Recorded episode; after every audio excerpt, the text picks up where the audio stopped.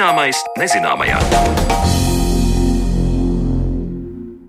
Esiet sveicināti redzējuma zināmais nezināmajā, un kā ierasts arī Sandra Kropa kopā ar jums, lai šodien pievērstos mūsu veselībai. Redzījuma otrajā daļā skaidrosim, kāpēc antibiotiku rezistence ir tik izplatīta problēma pasaulē un kāpēc tās satrauc mediķus. Skaidrosim, kāpēc baktērijas kļūst rezistentas pret medikamentiem un kā to varētu risināt.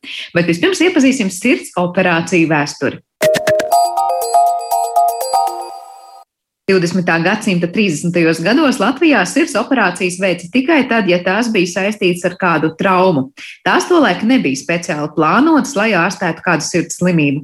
Pirmās plānotās sirds operācijas sāka veikt 20. gadsimta 50. gadu beigās. Par sirds ķirurģijas vēsturi un tās attīstību paklausīsimies materiālu no mūsu raidījuma arhīvu krājumiem.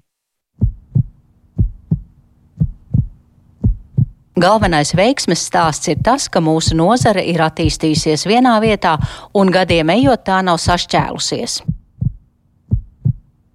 Tā runājot par 1969. gada 1. jūlijā dibināto sirds ķirurģijas centru, saka tagadējais centra vadītājs, medicīnas zinātņu doktors un Rīgas Stradiņu universitātes asociētais profesors Pēteris Stradiņš.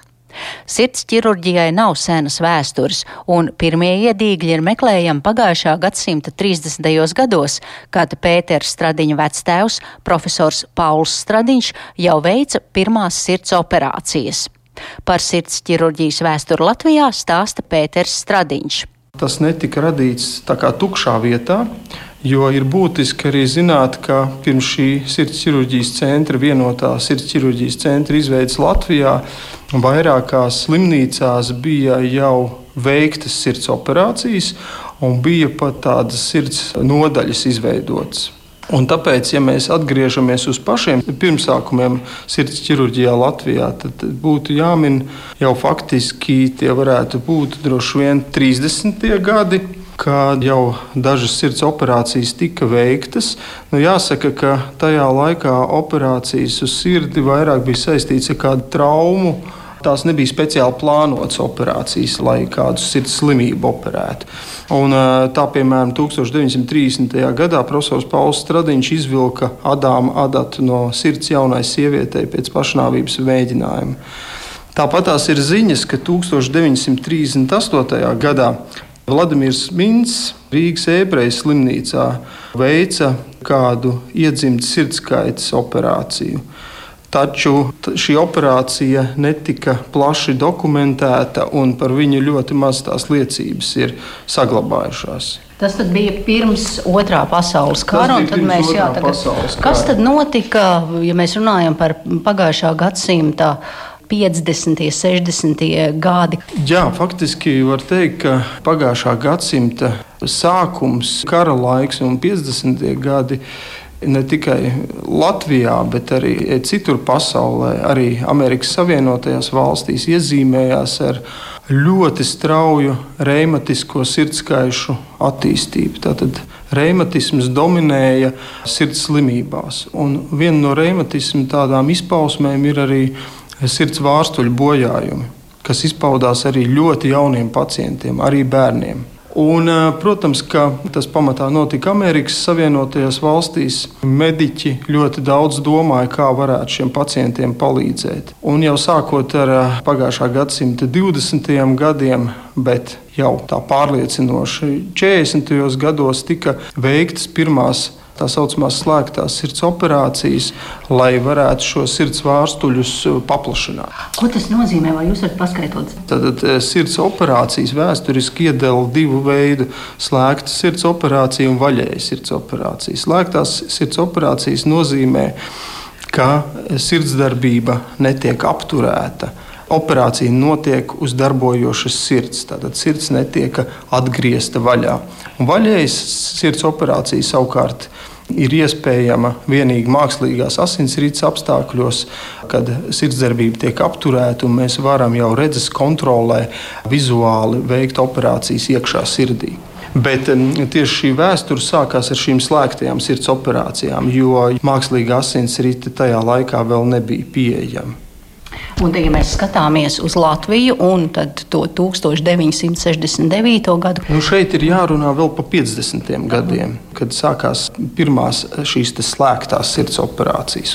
Es teiktu, ka bija četras grupas, četrās dažādās slimnīcās. Varētu teikt, ka neatkarīgi un nekoordinēti sāka pievērsties tajā laikā ļoti aktuālai sirds ķirurģijai. Pamatā reimatisku sirdskaišu pacientiem. Pirmā no tām bija Pauls Stradiņa klīniskā slimnīca, kura aicinot ciemos eh, viesķirurgus no Maskavas 1958. gada martā tika veikta pirmā plānotā sirds operācija Latvijā, reģistrētā un plānotā. Viņā piedalījās viesķirurgi no Maskavas, arī Pauls Stradiņš, bet pamatā šo praktisko darbu uzticēja profesoram Evaldam Ezerietim, kurš vēlākā periodā veica vairāk kā 300 šādas operācijas. Vienlaicīgi ar Stradiņu slimnīcu tā paša 1958. gada aprīļa mēnesī līdzīgas operācijas uzsāka arī Rīgas pilsētas pirmajā slimnīcā ar Maskavas ķirurgu palīdzību. Un šeit tika arī izveidota sirds ķirurģijas grupa. Tad bija vēl viena grupa, kas tika nodibināta bērnu klīniskajā universitātes slimnīcā, un viņi pamatā orientējās uz iedzimtajām sirdskaitēm, tātad uz bērnu sirds problēmām. Un eh, šeit jau 1964. gadā vēlākais profesors Jānis Volkulākovs pirmo reizi pielietoja mākslīgās asinsrites iekārtu. Un ceturtā vieta, kur veica sirds operācijas, bija slēgta tipa medicīnas iestādes Baltijas kara apgabala hospitāls, kur um, doktora Harlāmova vadībā arī tika veiktas operācijas gan slēgtas, gan mākslīgā asinsritē. Un tā šajās četrās iestādēs, sākot no 50. gada beigām līdz pat 1969. gadam, neatkarīgi tika veiktas vairāk simti sirds operāciju. Un tad 1969. gadā tika izdota šī pavēle, tika saprasts, ka šī nozare ir jāapvieno, lai viņi tālāk varētu attīstīties, gan koncentrējot visu aparatūru vienā vietā un arī speciālistus. Pēters Stradiņš man rāda piezīmes par sirds ķirurģijas vēsturi, un tur lasu, ka 1970. gadā tika veikta pirmā sirds elektrostimulātora implantācija. 1971. gadā pirmoreiz notika kopējo sirds priekškambaru plastika, un vēl un vēl šajā sarakstā rindojas operācijas, pie kurām ir minēts vārds pirmoreiz. Tā laika aparatūra un iespējas, godīgi sakot, no mūsdienu skatu punkta bija ļoti, ļoti niecīgas. Daudzas diagnozes tika apstiprinātas, izmantojot rengenu, parastu rengenu uzņēmumu un klausoties sirdi ar stetoskopu. Un izvērtējot, tad, kādi trokšņi patoloģiski tiek dzirdēti, un, un no tā vadoties arī kāda pacientam ir šī sirds saslimšana. Nu, jāsaka, ka nākošajos gadu desmitā bija liela cīņa tiešā šī vārda nozīmē par aparatūras iegūšanu. Lai būtu vismaz kāda aparatūra, ko varētu izmantot, tas attiecās gan uz diagnostikas aparatūru, gan arī operācijās izmantoto aparatūru. Bieži vien Latvijas ķirurgi saņēma Maskavā jau lietotu aparatūru, kuru nācās eh, labot, un arī dažas lietas, kas, piemēram, no mūsdienās ir vienreiz lietojamas, tika skalotas, tīrītas un lietotas tālāk šeit. Tie bija ārkārtīgi, ārkārtīgi sarežģīti laiki ne tikai mediķiem, bet arī pacientiem. Jo skaidrs, ka šie tehniskie aspekti atstāja iespaidu uz pirmajiem rezultātiem viennozīmīgi. Pirms tam pamatmērķis sirdskaišu ārstēšanā bija viens, lai pacients izdzīvo, lai šīs sirdskaita tiek korģēta un, un pacients izdzīvo. Tad, kad šis rezultāts jau bija pašsaprotams un nostiprināts, mēs varējām ķerties jau klāt pie nākošā etapa. Mēs varējām šīs operācijas padarīt saudzīgākas pacientam, kas varētu atvieglot viņa ātrāk darbspēju atgriešanos un atveseļošanos. Ir pagājuši vairāk kā 53 gadi, kopš ir dibināts sirds ķirurģijas centrs, un, kā teica Pēters Stradiņš, tad šo gadu laikā, kad Latvijā ļoti sarežģītos apstākļos dzima sirds ķirurģija, ir spērti soļi līdz augstam punktam visā Eiropas sirds ķirurģijas un kardioloģijas centra kontekstā. Līdz punktam, kad Latvijā var veikt visa veida sirds ķirurģiskās operācijas. Tik tālu par sirds ārstēšanas vēsturi mūsu zemē, bet redzījuma turpinājumā pievēršamies jaunai pandēmijai, kas apdraud cilvēkus visā pasaulē, un tā ir antimikrobiālā rezistence.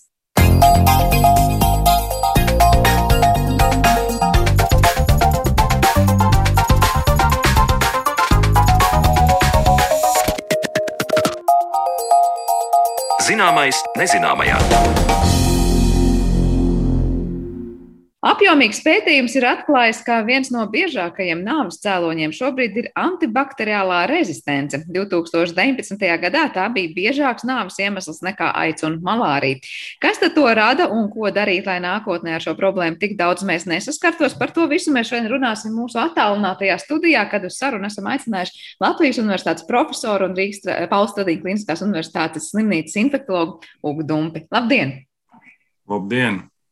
Sāksim ar to, kas ir šī antibakteriālā rezistence un antibiotiku rezistence, ko mēs bieži vien tautā dzirdam sakām, vai tas ir viens un tas pats, vai te tomēr ir jānošķir kaut kādas nianses un divas dažādas lietas. Nē, nu ir antibakteriālā ir tas pats, kas ir antibiotikas, jo antibiotikas ir zāles, kas darbojas uz baktērijām, bet mēs lietojam terminu antimikrobiālā rezistence. Un tad mēs tur liekam klāt gan sēnītes, gan arī vīrusus. Piemēram, HIV vīrus ir rezistents pret uz zālēm. Tā kā tas ir plašāks termins. Antimikrobiālā, protams, plašāks, jo runā par visiem jau jūs nosauktajiem arī cēnītēm un vīrusiem klāt un citiem mikroorganismiem, bet kā dzīvē tas izpaužas un kur ar to sastopamies?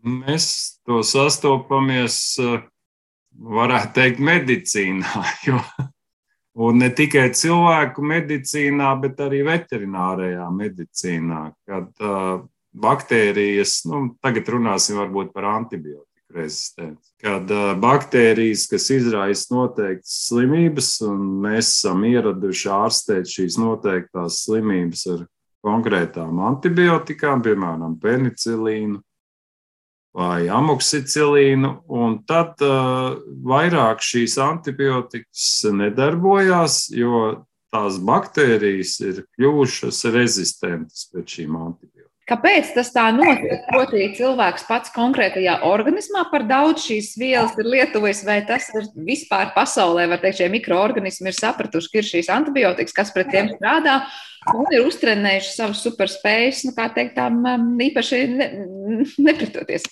Mikroorganismi nepiedara konkrētam cilvēkam. Viņi vairāk ir tā ar tādu globālu skatījumu. Un tad uh, mikroorganismi ir kopēji arī cilvēkiem un dzīvniekiem. Un dažkārt viņi savā starpā satiekās un vēl nodod uh, rezistences mehānismus ar tā saucamajām plazmīdām viens otram, piemēram, zarnās. Un šo rezistenci selekcionē tā, kā nu, tās rezistentās baktērijas labprāt dzīvo un izdzīvo. Ir situācijas, kad tiek lietots antibiotikas. Ne tikai cilvēkam vai dzīvniekam, bet arī, ja antibiotikas ir apkārtējā vidē. Un tad šis antibiotiku spiediens, tā kā aizkavē augšanu baktērijām, kas ir jutīgas pret to antibiotiku. Savukārt rezistentās spēja vairoties un dzīvot un pārņemt šīs populācijas. Ja vēl vajag kaut kādus papildus mehānismus, tad uh, paņem no kaimiņiem vēl kaut kādus gēnus. Tātad šīs baktērijas, lai izdzīvotu tajās antibiotiku lietošanas apstākļos.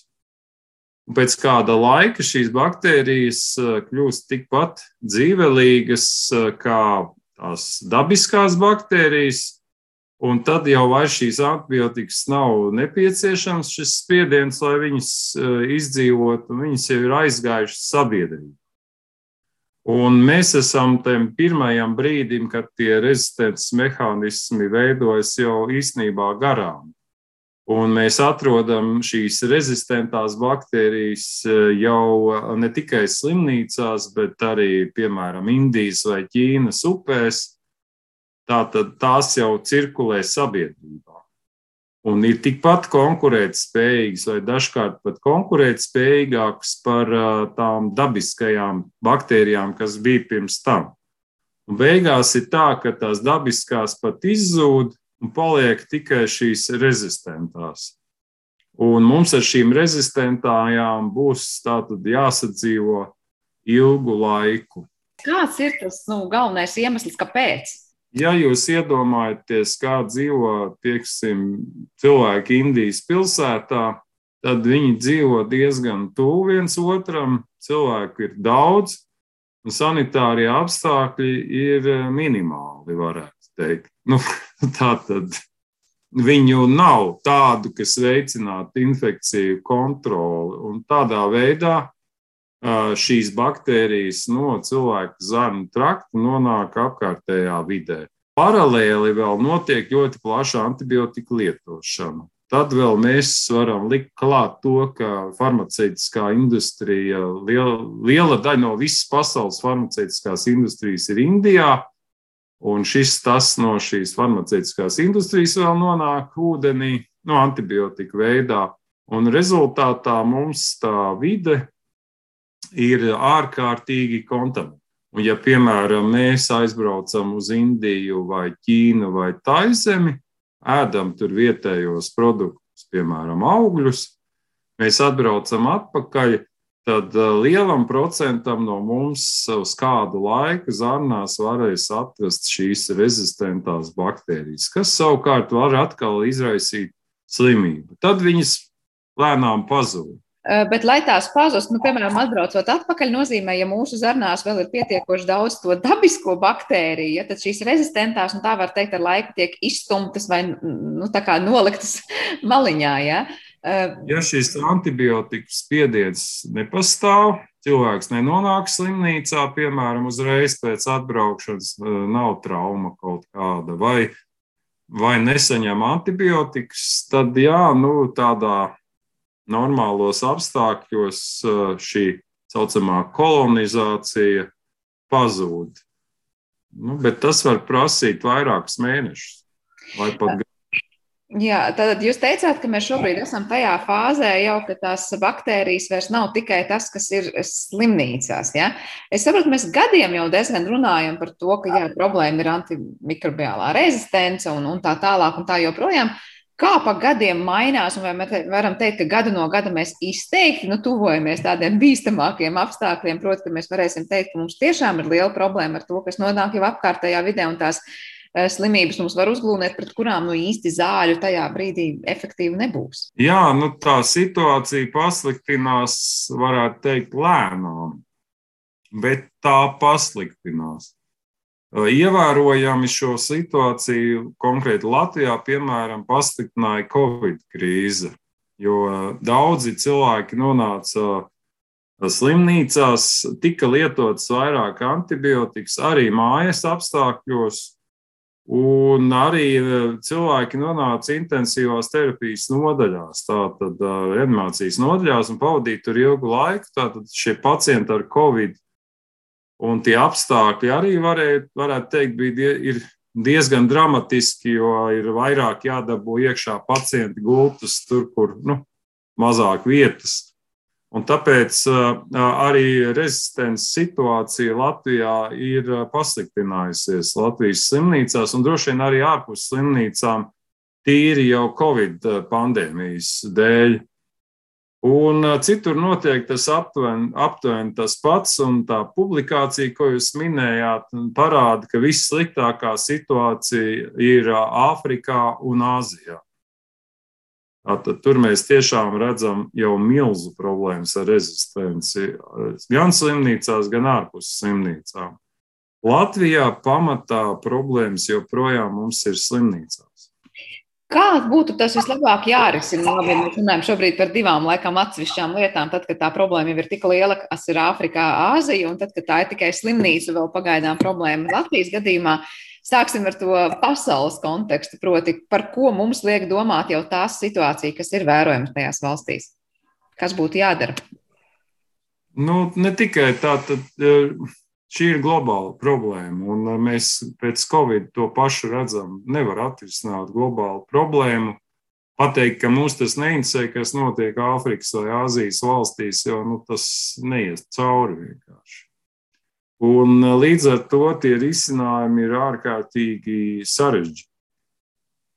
Un uh, gan nav ietilpīgi, gan darbietilpīgi. Un tie risinājumi nav nu, vienkārši saprotami ne politiķiem, ne sponsoriem, ne arī nu, tādiem nu, realizētājiem dzīvē šo pasākumu. Jo nu, kas ir jādara, ir principā ir divi tādi nopietni virzieni. Viens ir jāsamazina dramatiski antibiotika patēriņš, tātad mazināt šo spiedienu, kas liek selekcionēt rezistentās baktērijas un jāuzlabo infekciju kontroli, šie sociāli higieniskie apstākļi, un kas ir vēl sarežģītāk, piemēram, jaunatīstības valstīs, gan slimnīcās, protams, gan sadzīvē.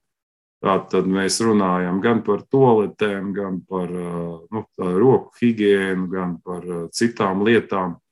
Tātad, šie divi virzieni ir tie dominējošie, un abi ir ārkārtīgi sarežģīti. Protams, atrisināt problēmu ātrāk varētu vakcīnas, bet šī situācijā šo patogēnu ir ārkārtīgi daudz un dažādi. Tai publikācijā, ko jūs atsaucaties, ir 11 galvenās baktērijas Es biju līdzautors par Eiropu 15. gadā, tātad 16 mēs skatījāmies. Nu, tātad, ja mums ir um, tās nopietnākās baktērijas, ja mums ir vajadzīgas vakcīnas, mēs vairs nerunājam par vienu vakcīnu, mēs runājam jau par 11 dažādām vakcīnām. Jo, ja mēs tiekam galā ar vienu baktēriju, pārējās nāks vietā. Tā kā šī problēma ir sarežģīta, bet arī šis virziens varētu būt.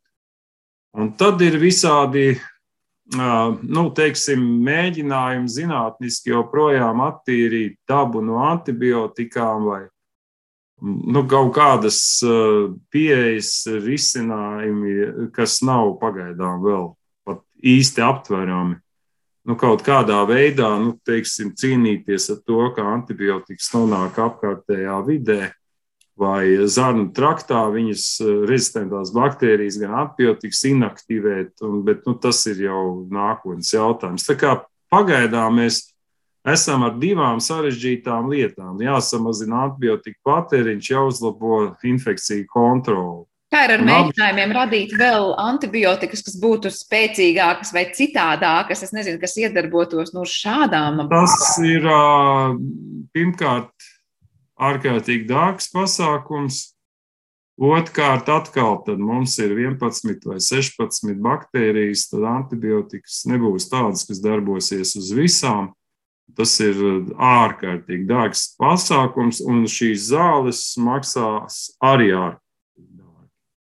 Līdz ar to tas, protams, notiek un ir jādara, bet tas nebūs atrisinājums uh, šim jautājumam nekādā veidā. Tātad, un, ja mēs vēl runājam par jaunatīstības valstīm vai globālu problēmas risināšanu, tad noteikti tas, tas nav risinājums. Tas varētu būt jauns antibiotikas risinājums, nu, piemēram, bagāto valstu reanimācijas nodaļās. Tādas mēs arī redzam un parādās.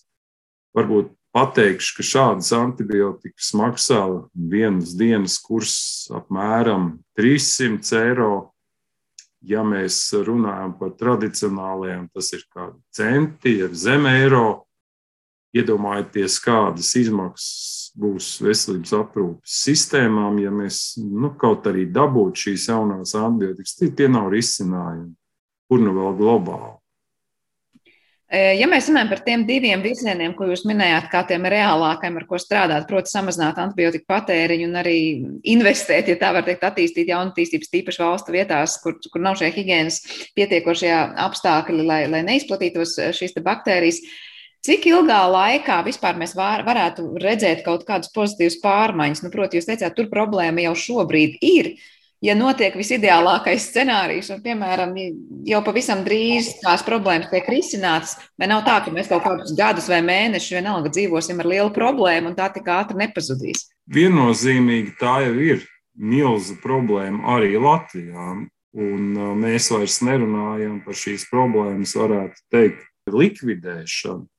Mēs runājam par šīs problēmas apturēšanu, lai novērstu katastrofu. Tas ir līdzīgi kā ar šo klimata pārmaiņām. Mēs nerunājam, ka mēs apturēsim to siltumu, bet mēs runājam, kā nobremzēt šo siltumu, kamēr parādās jauni risinājumi.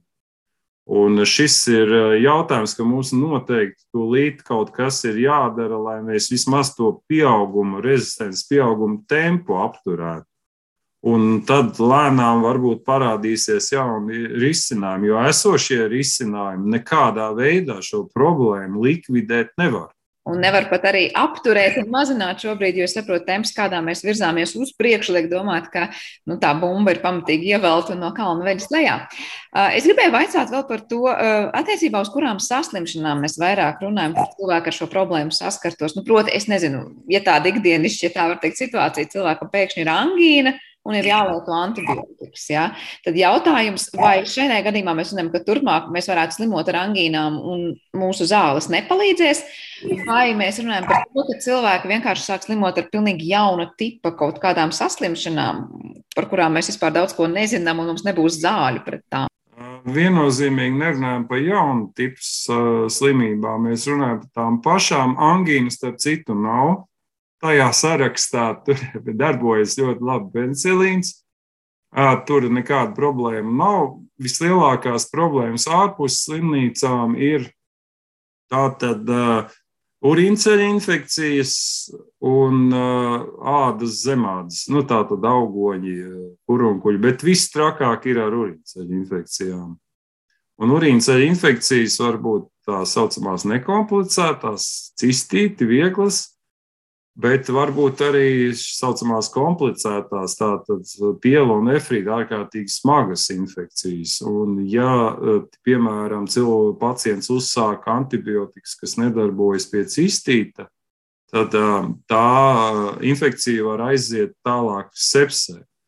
Bet cita lieta ir slimnīcas, kur rezistence ne tikai apdraud ārstēšanu, bet īstenībā apdraud slimnīcu darbību. Un uh, īpaši apdraud lielās operācijas, piemēram, transplantācijas, sirds operācijas, onkoloģiskās operācijas un intensīvo terapiju pēc šīm operācijām. Tātad, ja reanimācijas nodaļā ir daudz multirezistentu, nu, tātad mēs dažreiz lietojam vārdu panrezistentu baktēriju, tad eh, milzīgais darbs, kas ir ieguldīts piemēram aknu transplantācijā vai sirds transplantācijā, var vienkārši izbeigties eh, tāpēc, ka pacients inficējas ar baktēriju, kuru nevar izārstēt ar eh, antibiotikām.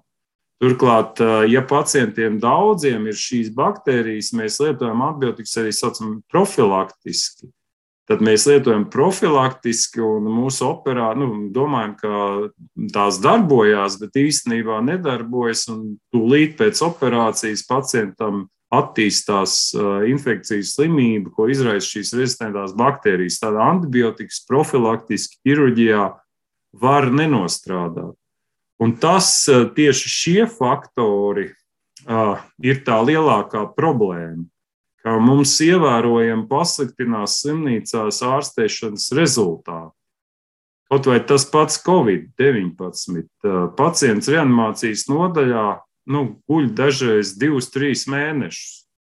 Plaušu mākslīgā ventilācija, tā tad ir daudzas ierīces, nu, vēnās, un ir ārkārtīgi, un tas nav retums, un visā pasaulē tas nav retums, ka viņiem pievienojās bakteriālas rezistences infekcijas. Un pacients var iet bojā no sepses, no bakteriālas infekcijas, nevis no covid, varbūt plaušu komplikācijām. Un, nu, tie ir tādi piemēri, ko es gribētu teikt, ka slimnīcās tāpēc mēs īpaši sāpīgi jūtam šo rezistences problēmu. Sadzīvē nu, tas nav tik, tik izteikts mūsu apstākļos, bet tas ir ārkārtīgi izteikts Āfrikā vai Indijā, kur nav pieejams slimnīcas pakalpojumi un kur cilvēki ilgstoši ir paļaujušies uz antibiotikām. Un, ja ir šī urīnceļa infekcija, vai ir vēdertīvs, piemēram, vai ir caurēja nu, dizentērija, un antibiotikas nedod, nu, nestrādā, tad šie cilvēki iet bojā. Nu, tajās situācijās, kur agrāk vienkārši pēc viena antibiotika kursa šie cilvēki izdzīvoja. Tā kā ievērojami atšķirās problēmas jaunatīstības valstīs un Latvijā vai attīstītajā pasaulē.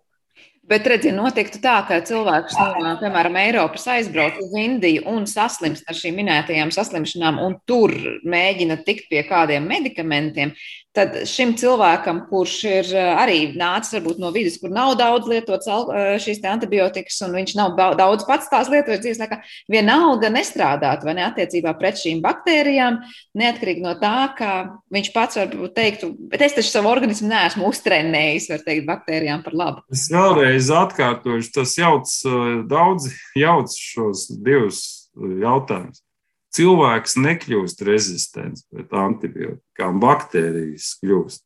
Un jūs varat nelietot antibiotikas desmit gadus, nokļūt situācijā, kur uh, jūs dabūnat, uh, uh, nu, inficēties ar rezistentu baktēriju, un jums antibiotikas nedarbosies tāpat kā vietējiem iedzīvotājiem, jo jūs esat inficēti ar šo rezistento baktēriju. Tas nav saistīts ar šo organismu cilvēka paša. Tas ir saistīts tīri un tikai ar šīm baktērijām.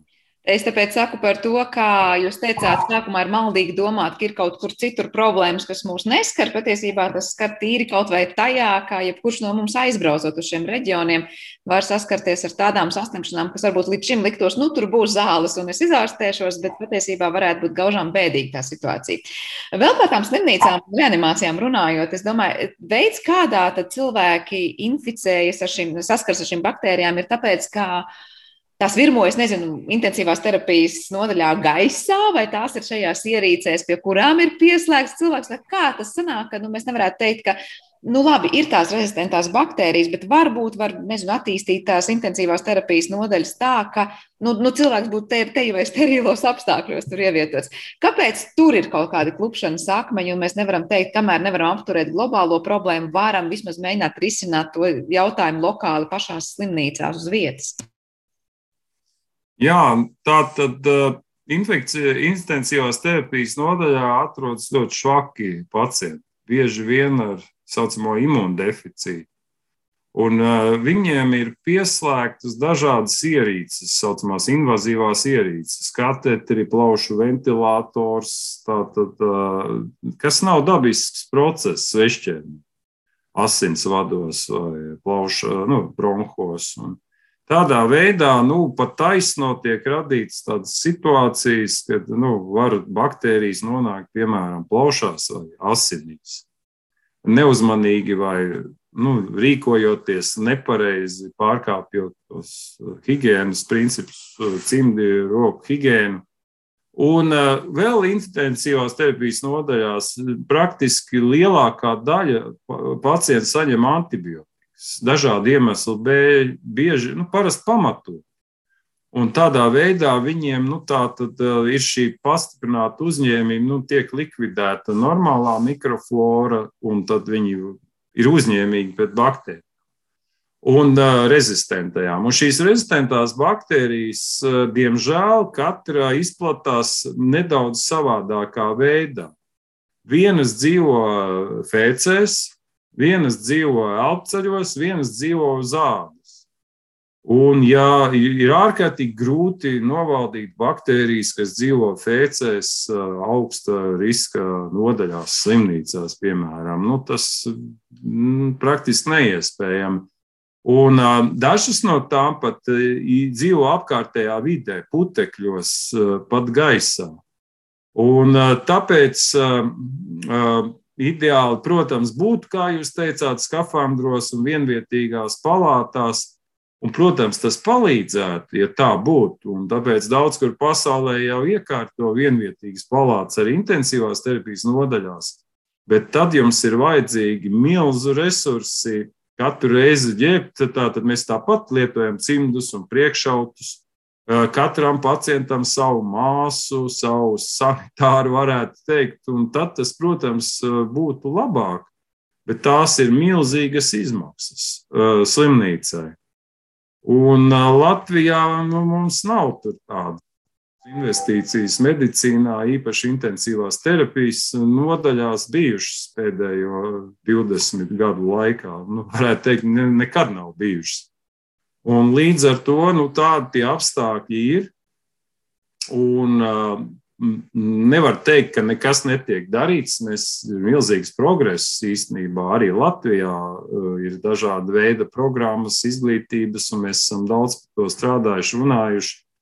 Tā kā, bet nu, šādas uh, problēmas ir neizbēgamas. Nu, ne tikai Latvijā. Uh, mēs tās redzam, jebkurā attīstītajā valstī. Intensīvās terapijas nodaļās ir saucamās dialīzes nodaļas, arī, kur ir augsti riski. Transplantācijas nodaļas, onkoloģiskās nodaļas, tur vienmēr ir problēmas ar rezistenci. Noslēdzot šo sarunu, jūs jau pieminējāt vairāk kārt šajā pusstundā, ka tie virzieni, kuros strādāt, ir, ir iezīmēti, tad apturēt to varbūt apjomu, kādā tiek patērēts antibiotikas, un arī tad domāt par šiem higiēnas apsvērumiem daudzās e, pasaules valstīs un reģionos. Ko mēs no Latvijas perspektīvas jūs teiktu, kā es nezinu, topa trīs lietas, kas jādara, lai mēs ar šo problēmu nu, vismaz mazāk saskartos un mazāk to, to, to veicinātu? Pirmais ir šo problēmu atzīt eh, visos līmeņos, ieskaitot politiskos. Tā tad, ka tas ir būtiska problēma, jo Latvijā nu, šī problēma nav teiksim, bijusi medicīnas prioritāte. Un tā tad būtu ārkārtīgi svarīgi veidot šo speciālistu tīklu, laboratoriju tīklu, gan mikrobiologu, gan infektologu, gan uh, infekciju kontrolas speciālistu tīklus, komandas slimnīcās. Tātad uh, organizēt vairāk apmācības gan iedzīvotājiem, gan arī uh, ārstiem. Un šīs apmācības noteikti par rezistenci būtu jāsāk jau pamatskolā, tātad, lai bērni saprastu, kas ir antibiotikas, kas ir roku mazgāšana, kas ir, nu, kā tur ir rezistents veidojas, protams, kas ir vakcīnas, nu, tādus jautājumus, lai mums pēc tam nerastos nu, izbrīns, ka cilvēki nesaprot šādus pamat jautājumus. Tā kā šis ceļš ir ejams ārkārtīgi sarežģīts, un vēl vienlaicīgi mēs šodien par to nerunājām. Ir saucamā viena veselība, jeb nu, problēma. Tā tad tikpat liela problēma kā cilvēkiem, šī rezistence ir eh, arī nu, veterinārijā medicīnā, eh, apkārtējā vidē. Nu, tā tad mums jāskatās uz šo problēmu kompleksu. Ne tikai eh, cilvēku medicīna, ne tikai slimnīcas, ne tikai ģimenes ārsti, bet tas ir visā valsts līmenī. Un tikai tad šo problēmu var uzlabot. Jā, tas ļoti sataucas ar to, ko jūs teicāt arī par klimata pārmaiņām. Ja tā arī ir lieta, kas ir jāskatās kompleksi un nevar tikai katrs sektors atsevišķi kaut ko mēģināt labot un darīt.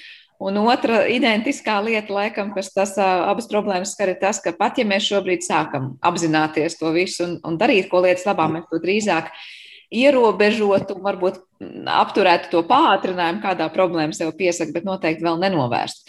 Paldies jums par to, ka sākāt likt šos pirmos ķieģelīšus mūsu sarunā un stāstīt par šīm lietām arī plašākai auditorijai. Paldies par šo sarunu. Atgādināšu, ka šajā raidījuma pusstundā bijām kopā ar Latvijas Universitātes profesoru un Paulu Stradīnu Kliniskās Universitātes slimnīcas infektologu Ugu Dumpi. Ar to arī šis raidījums ir izskanējis. Paldies visiem par klausīšanos un uz tikšanos!